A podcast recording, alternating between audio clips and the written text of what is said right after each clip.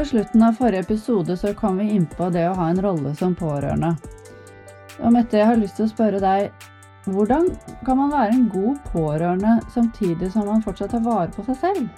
Det kan vi godt eh, drodle litt, rundt i dag, Elspeth. Det er et litt spennende tema. Ja, jeg syns også det er et spennende tema, for jeg tror det er noe vi alle opplever. Eh, enten én eller flere, sannsynligvis flere ganger i livet. Og det er jo veldig mange situasjoner man kan være pårørende i, da. Man kan jo være pårørende både til eh, folk man er glad i som sliter med enten fysisk eller psykisk sykdom, og det kan være både kortvarig og langvarig. Det kan være folk vi er glad i som er i personlige kriser. Skilsmisser, arbeidsledighet, sorg. Det kan være rusmisbruk. Det kan være folk som lider av en økonomisk ruin. Så hvordan vil vi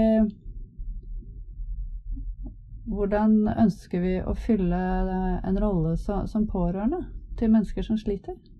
Ja, for da tenker jeg også på hva, hva litt, litt, mer eh, utfyllende hva eh, man ofte havner i som pårørende. Hvis man tenker seg at eh, dette er en, en mer langvarig tilstand, eller hva vi skal kalle det.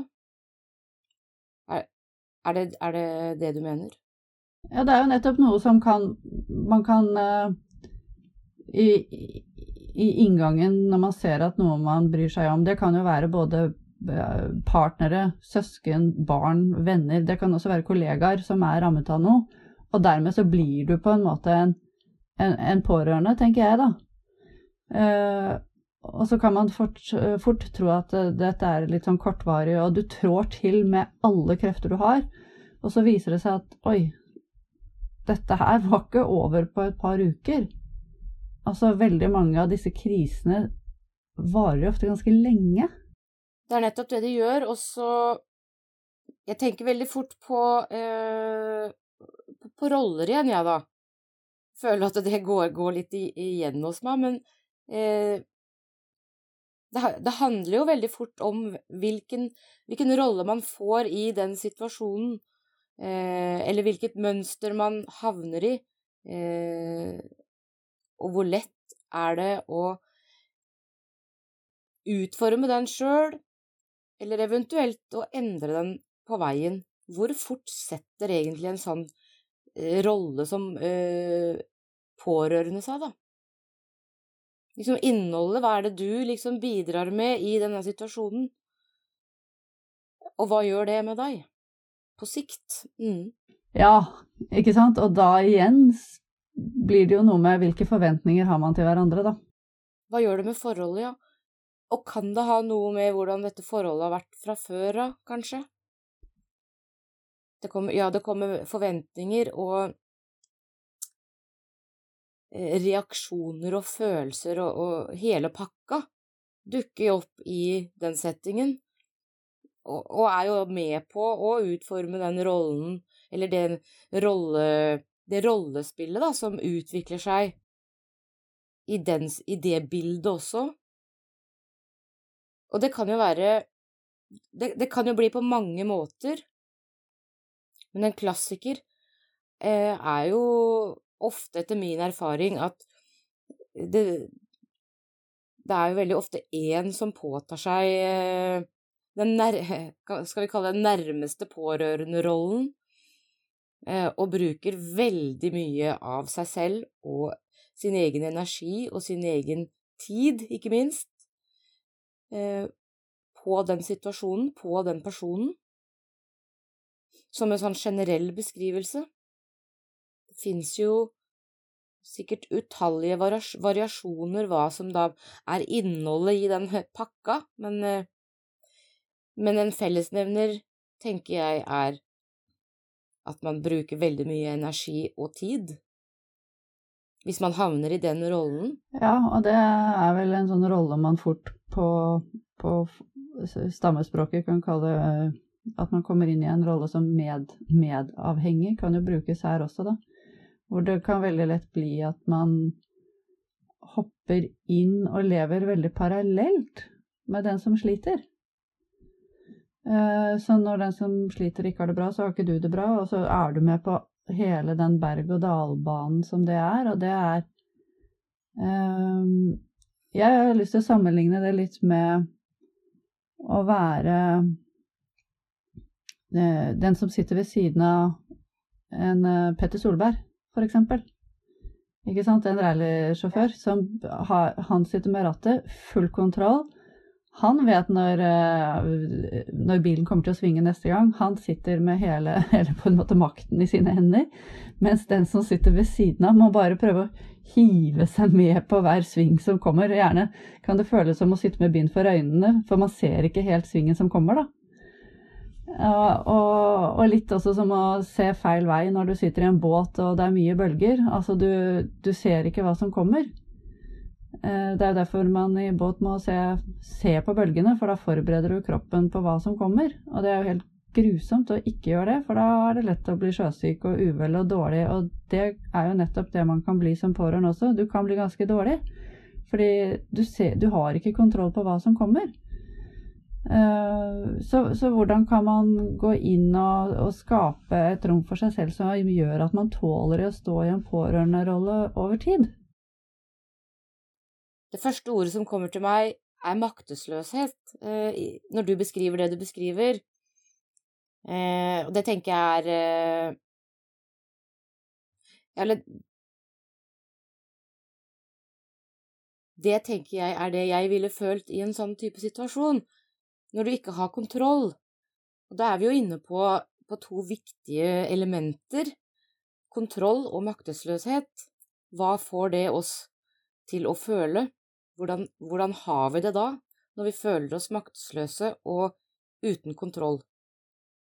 Jeg tror det er veldig mange av oss som knagger veldig mye i livet vårt på det å ha kontroll. At når vi bare har kontroll, da kan vi fikse, fikse livet, liksom. Eh, Og da blir kanskje noe av oppgaven i forhold til det å, å greie oss å stå ved siden av en som sliter, og være pårørende til den, blir jo kanskje da å se på akkurat det. Hvordan kan jeg leve med mindre kontroll? Og hvordan kan jeg leve med å faktisk være maktesløs, da? Ja, det er, det er jo så bra det du sa. Det er jo kjernen i hele dette her. Fordi at eh, det er det å tåle å ikke ha kontroll.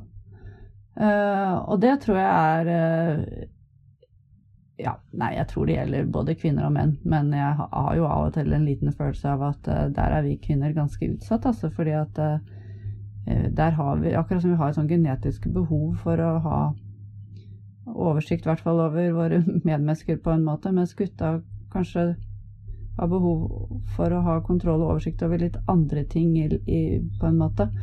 Uh, veldig kort, overfladisk, enkelt sagt. Men der For jeg tror mye av det der er ved å Det gjelder jo hele livet, egentlig. Det å tåle å ikke ha kontroll. Det Og jeg beundrer sånn de som jeg føler står bra i det og tåler det. fordi at eh, hvis man ikke klarer å gi slipp på det, da da kan jo det fort være litt sånn nettopp kjerne til, til mye angstproblematikk, da. Og det er vel det mye av angsten handler om. Det er det der at du føler at du ikke har kontroll. Uh, så det er en veldig interessant bit å gå inn og se på hvor viktig er det å ha kontroll på dette her. For veldig mye av det vi tror vi må ha kontroll på, tror jeg er helt totalt bortkastet. Vi innbiller oss at dette må vi ha kontroll over. Men vi er faktisk ikke Livet vårt står og faller ikke med å ha den kontrollen. Hvis vi våger å se på det. Nei, men så, så forstår jeg jo veldig godt at man havner der, eh, fordi eh, det ligger jo i ordet å være pårørende. Da handler det jo om mennesker som du har tett på deg, og gjerne er glad i. Du holder av dem. Eh, og jeg forstår jo veldig godt at det, de følelsene vil føles så sterke at du, du er så glad i dem, og du ønsker dem jo det beste, og du vil så gjerne hjelpe. Og så, og så virker det som at det ikke holder, da. Jeg forstår jo at det oppleves jo veldig fortvilende. Og tenker jo overhodet ikke på at det også da kan handle om kontroll. Vi tenker jo ikke på det. Nei. Vi er jo liksom konsumert av det at vi er jo, vi er jo så glad i det mennesket, og vi har så lyst til å, å hjelpe, Ja, det er jo-? Det er jo det vi er opptatt av. Ja, Og det meste av det er jo noe vi utfører i full kjærlighet og i beste mening. Og likevel så ender man egentlig bare med at kanskje øh, noen kan føle seg overvåket og styrt, mens den pårørende bare føler at den kommer til kort, og alt faller bare i grus, og man får ikke noe igjen for alt det man legger i det, kanskje, eh, for noen. Og da, da er det litt eh, interessant, syns jeg, å se på Ja vel, når du kommer der, hva, hva da? Hva gjør du da, når du kommer inn i en sånn der ond spiral hvor man egentlig ikke har så mye godt å tilføre hverandre? Uh, eller du Kanskje du føler at du har mye å tilføre, absolutt, men du merker at du Og det kan godt være at den du er pårørende til, sitter der og er full av takknemlighet også. Du kan jo oppleve det at her er det Det er liksom ikke noe, noe, noe knute på tråden eller noe sånt, noe, men du kan føle deg totalt utslitt. Um, og hva, hva kan man gjøre i en sånn situasjon? Uh, selv føler jeg jo at uh, mye Ja, jeg har flere ting å komme med, egentlig. Jeg kan jo begynne med å si Hva med å få til et uh, uttrykk eller en samtale om hva du kan tilby, og hva du ikke kan tilby? Det har jeg selv hatt veldig god opplevelse av, da, når jeg, uh, jeg selv Men hva, hva tenker du på hva, eh, Nå er jeg, henger jeg ikke helt med her, faktisk. Nei. Hva tenker Bra du du sier det. Nei, eh, Mm. eh, ja, typisk i en situasjon um, hvis du har eh, Hvis du har eh, en jeg, jeg selv hadde jo en, en, en syk far, eksempel, og jeg følte veldig på at jeg skulle liksom stille opp så godt jeg kunne for han eh, og min mor, og samtidig så ble jeg litt sånn det var litt uklart for meg hva, hva kan jeg stille opp med, og samtidig så merket jeg at jeg var nødt til å ta vare på meg selv, for jeg hadde jo min egen familie. Og da merket jeg jeg kom inn i en sånn veldig sånn dårlig spiral av, eh, av litt sånn kaostanker, da. Hva er forventet av meg, og hva kan jeg bidra med, og hva kan jeg ikke bidra med. Og da hadde jeg en utrolig god erfaring ved å ta en samtale med dem og høre litt hva, hva forventer de av meg, og hva kan jeg tilby. Og det var veldig, veldig fint, for da kom vi frem til på en måte at uh, En situasjon som ga veldig fin oversikt, uh, for min del i hvert fall, med hva Jo, at jeg kommer f.eks. en gang i uken, og så kan jeg bidra med sånn og sånn.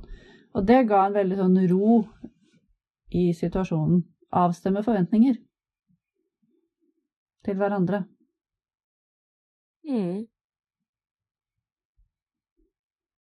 Jeg får bare en tanke om hvordan kommer man dit?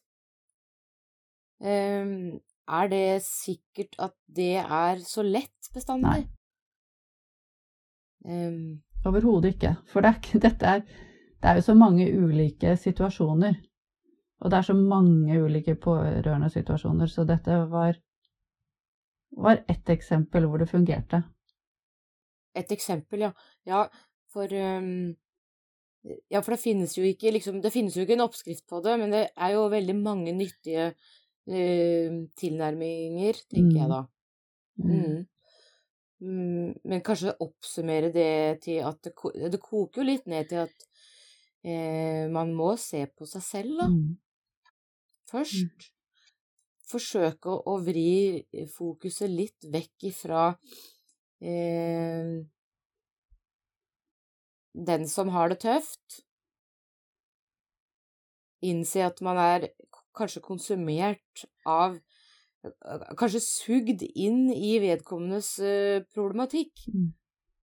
Prøve liksom å ta et sted, skritt tilbake, litt på utsiden, og så tenke at uh, ok, hvordan kan jeg eh, se et mer objektivt bilde av meg selv i denne situasjonen?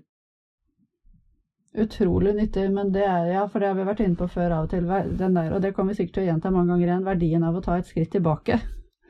Ja. Ja. det er veldig, veldig bra. Og jeg husker eh, noe annet som kom opp, uh, har kommet opp tidligere, det var hvis du kommer inn i en sånn rolle hvor du lever veldig, veldig tett på en annen person som sliter, da.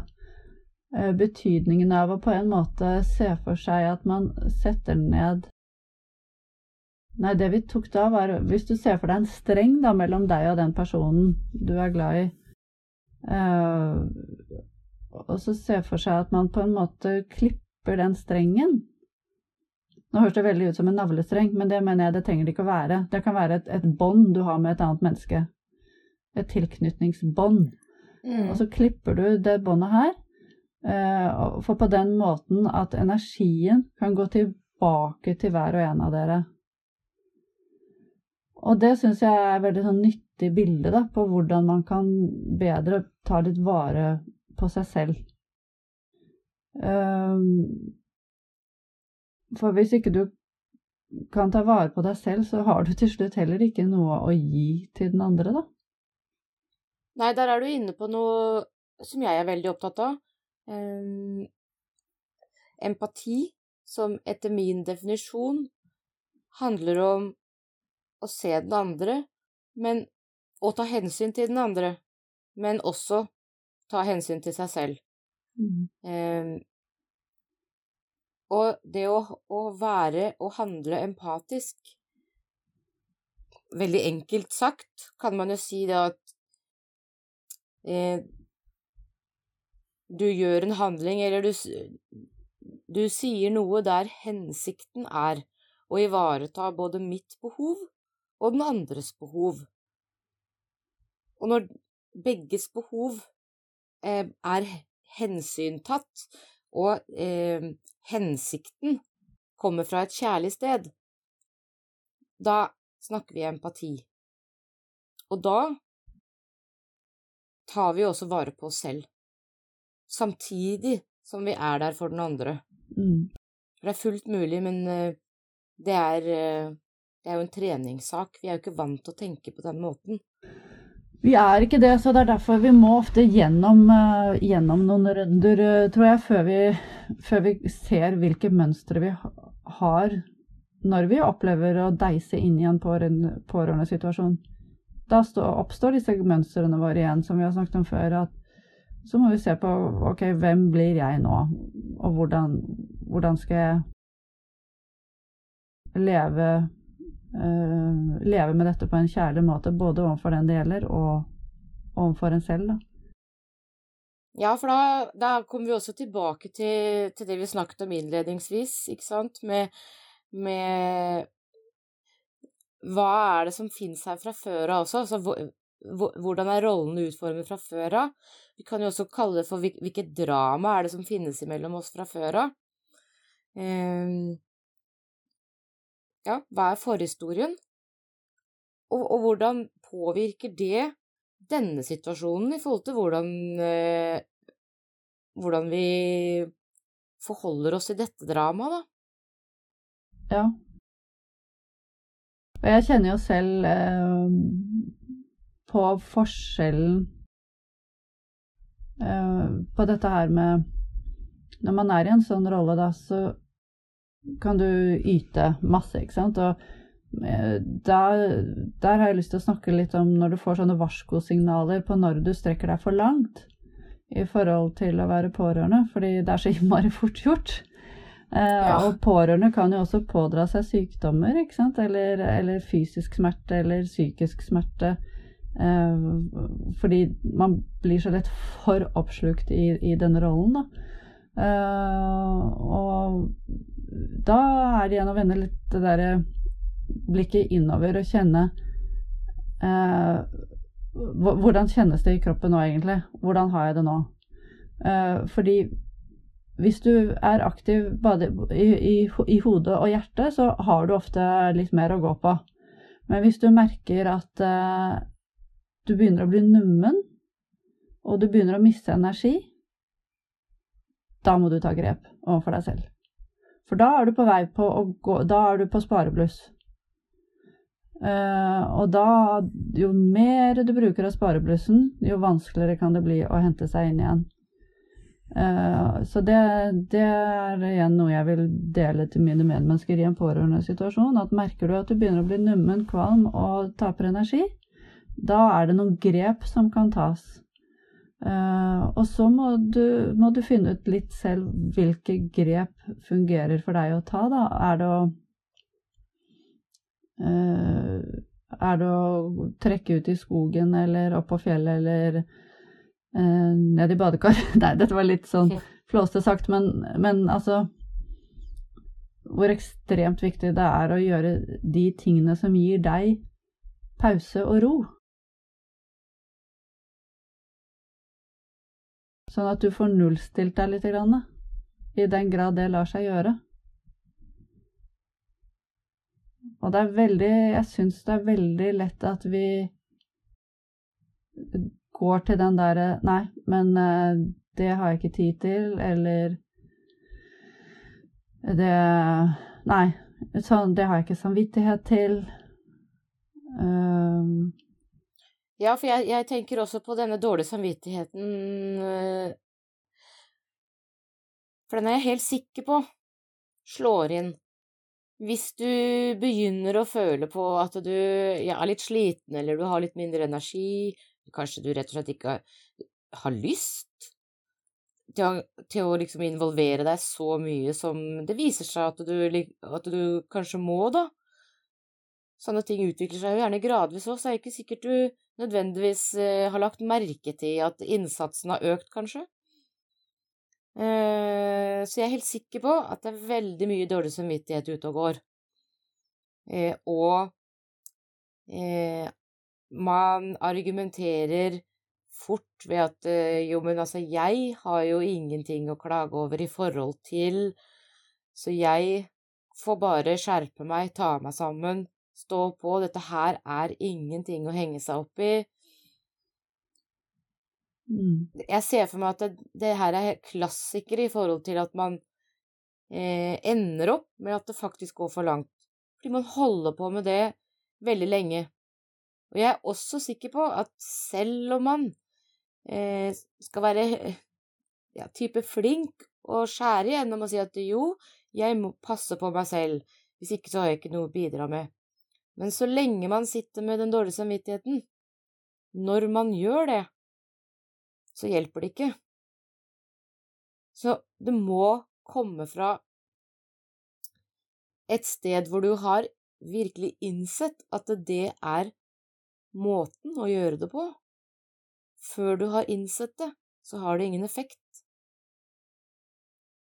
Og det kan være veldig vanskelig å innse det helt på egen hånd, da. Fordi man da Man er jo fanget i i mønsteret, i følelsene. I skammen eller i skyldfølelsen. Det er så sterkt. Det er så sterkt, og så tror jeg veldig ofte så har vi lett for å Ja, det var vel noe av det du sa i sted, at man tenker ja, men det, det må jeg klare, det skal man klare og vi tror at det er forventet at vi klarer. Og det er der igjen jeg av og til tror man undervurderer eh, betydningen av å akseptere hva som kommer til deg, da. Eh, for hvis du kjenner at du ikke helt makter det du forventer av deg selv, da gjør du små overgrep på deg selv, egentlig. Eh, om man heller kan prøve å akseptere at ja, nå syns jeg det er drittøft, og nå krever denne situasjonen mer av meg enn det jeg har å gi. Da er det på en måte Det er da jeg mener at eh, tiden er inne for å trekke deg tilbake og må fylle litt på din egen tank, da. Eh, at det er så nødvendig. Og det igjen Da er vi livredde for å bli egoister, ikke sant? Men ved å være egoist innimellom, da er du akkurat det motsatte. For det du gjør, er å fylle deg opp for å kunne ha noe som kan dryppe over på, på dine medmennesker i, i neste sving. Ikke, går du en lang tur, så er det ikke egoistisk å stoppe opp og spise litt for å klare å holde følge resten av turen. Det er nødvendig. Det er helt nødvendig. Nei, og så tenker jeg også at er det virkelig egoistisk? Det er egentlig ikke det i mine øyne, fordi at det er nå engang sånn at du eh, tilbyr jo å være en støttespiller for en annen, men det er jo faktisk den andre som eier problemet, det er jo ikke du. Eh, og du er, er du virkelig egoistisk når du passer på at du er den beste versjonen av deg selv? Du er jo ikke det, i mine øyne. Virkelig ikke. For hvordan skal du ellers kunne bidra når ikke du er eh, en god versjon engang. Nei. Så er det litt morsomt, for det er jo ikke sikkert at den, den, andre det gjelder, er interessert i det du bidrar med i det hele tatt. nei, det er ikke sikkert. Det kan jo også skje. At du bare Nei, nei, vær så snill, kan du være så snill trekke deg tilbake? Jeg, jeg har egentlig nok med meg selv akkurat nå, så bare Det kan jo være vi overvurderer vår egen betydning fullstendig innimellom. Det, det er helt innlysende at uh, dette her går, kan gå, uh, ja, gå mange veier, ja. Mm. Det, er, det, er, helt sikkert. Mm. Uh, men nok en gang, da handler det jo litt om å, å, å forsøke å se, se, seg selv, fordi er dette da en rolle som eh, eh, en annen ber om, eller er det en rolle som jeg ber om? Ikke sant? Ja. Ikke sant? Og det er jo så viktig å stille seg det spørsmålet, og det tror jeg vi har veldig lett for å glemme, altså. Vi bare kjører på. Ja, det gjør vi. Men nok en gang så er jeg helt sikker på at det å Altså, det er så farget, da, av eh, det forholdet som finnes der fra før av. Den dynamikken som finnes der fra før av. Mm. Så kan jeg kalle det for det, da, istedenfor uh, for drama. Mm. For vi, har, vi, vi, spiller Altså, ikke spiller, vi har jo roller mm. overfor absolutt alle vi har et forhold til. Uh, ja, jeg, for jeg tenker jeg, Det første jeg tenker når, når du sier det, så, tenk, så, tenker jeg det at hvis man tar en sånn pårørenderolle, så har man kanskje tatt en styrende rolle overfor den personen fra Altså tidligere også, da. Ja. Man må ikke ha gjort det, selvfølgelig, men mm. Ja. Ja, ja, for hvorfor tenker man at, eh, at ja, at jeg er liksom den rette kandidaten, da, eller den innlysende kandidaten. Mm. Mm. Eller hvorfor blir det så sterkt i meg, da? Hvorfor føler jeg det som en sånn trang til å blande meg? Ja, det er et interessant spørsmål. Mm. Hvorfor er den trangen så stor? Hva uh, Er det drevet av, av frykt? Er det drevet av Eh, ja, hva, hva, er drivkraften bak den rollen du tar deg, da? Og veldig ofte så har jeg inntrykk av at forklar forklaringen eh, er at eh, jo, men jeg er jo så glad i dem. Ja. Jeg gjør det jo fordi jeg er så glad i dem.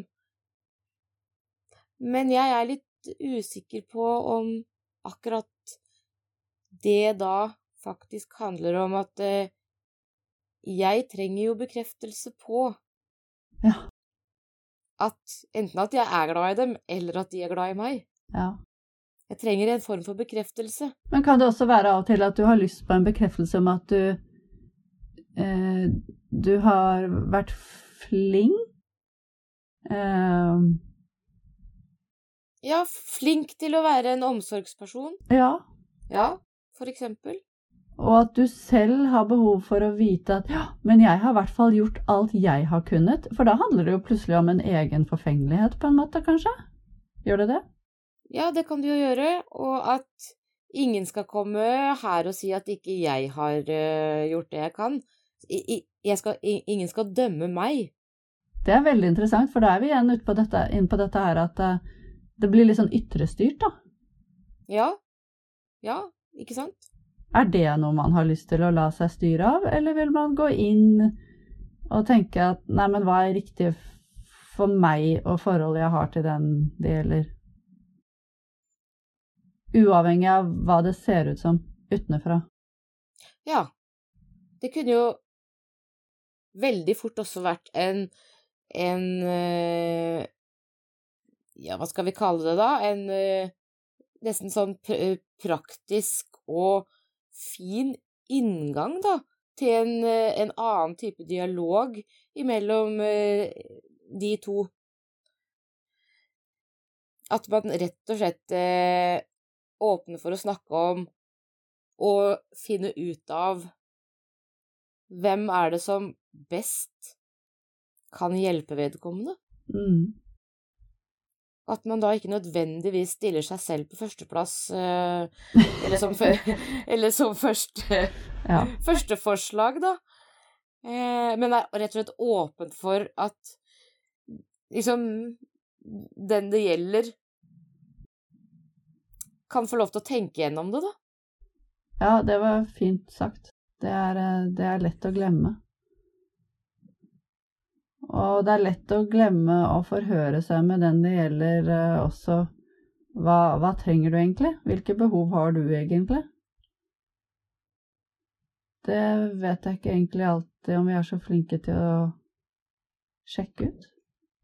Nei, jeg tror, jeg tror at man må, man må jo komme forbi sine, e- sine egne eh, Jeg kaller det kaotiske følelser og tanker og ja, alt det som skjer, da. Du må jo, du må jo komme forbi det før du er eh, klar for å faktisk høre hva den andre kanskje har å, å si. Jeg tror Mhm. ikke du er i stand til å høre det før du har roa ditt eget, da. Nei. Og det tror jeg du gjør best ved å nettopp være dyktig på å ta dine eh, timeouts og gjøre ting der hvor du selv slapper av og er nær deg selv, da, fordi at da er det jo ofte at man kan få litt kontakt med de tankene der. Ja, det er jeg helt enig i, og nå sklei det helt ut. Jeg hadde, hadde noe på tunga, men det datt ut igjen. ja. Sånn kan det gå av og til. Ja. Mhm. Nei, men eh, begynner vi å nærme oss en, eh, en liten konklusjon her? Jeg, for jeg har litt lyst til å avslutte med å si, si at liksom, ikke glem at den eneste du kan endre, er deg selv. Og derfor så kan du påvirke andre gjennom å endre deg selv. Ja, men endre deg selv, da kan jeg få litt sånn Hæ? Er det noe gærent med meg, liksom? Ja, kanskje endre blir et gærent ord, ja. Um, utvikle, da. Eller bevege. Bevege, ja, bevege er fint, men men igjen får jeg lyst til å Jeg får nesten lyst til å si um, uh, Gidd og gidd å lytte Gidd å lytte deg selv og gi deg selv litt plass og aksept eh, først, fordi ved å ha litt oversikt over eh, hvordan du selv leser situasjonen, så vil du ha mer Så vil du stå stødigere i en pårørendesituasjon, da. Ja. Ja, kanskje jeg trekker det hele tilbake. eh, Ja, fordi Ja, Jeg tenker, for ja, fordi Ja, jeg, nå tenker jeg jo det at ja, aksept blir kanskje ordet for dagen. Mm. Aksepter at ting er som de er. Mm. Hvis du går inn for å akseptere, det er ikke sikkert at du fikser å akseptere det 100% men hvis du går inn for å akseptere at det, akkurat nå er det sånn, og sånn kan det også være, Ja. dette kan også skje, Ja. da er du kanskje inne på noe. ja. Og, og også det å akseptere å ikke ha kontroll. Ja. Mm. For det har vi ikke. Det har vi ikke. Det har vi aldri. Det har vi aldri. Takk for praten, Anette. Takk for praten. Vi har veldig lyst til å få innspill og forslag til temaer. Og det sender du til enten mette.gravdal.alfakrøllgmail.com eller elsmon at online.no. Du hørte nå podkasten Takk for praten med samtaleterapeutene Mette Gravdal og Elsbeth Monsen.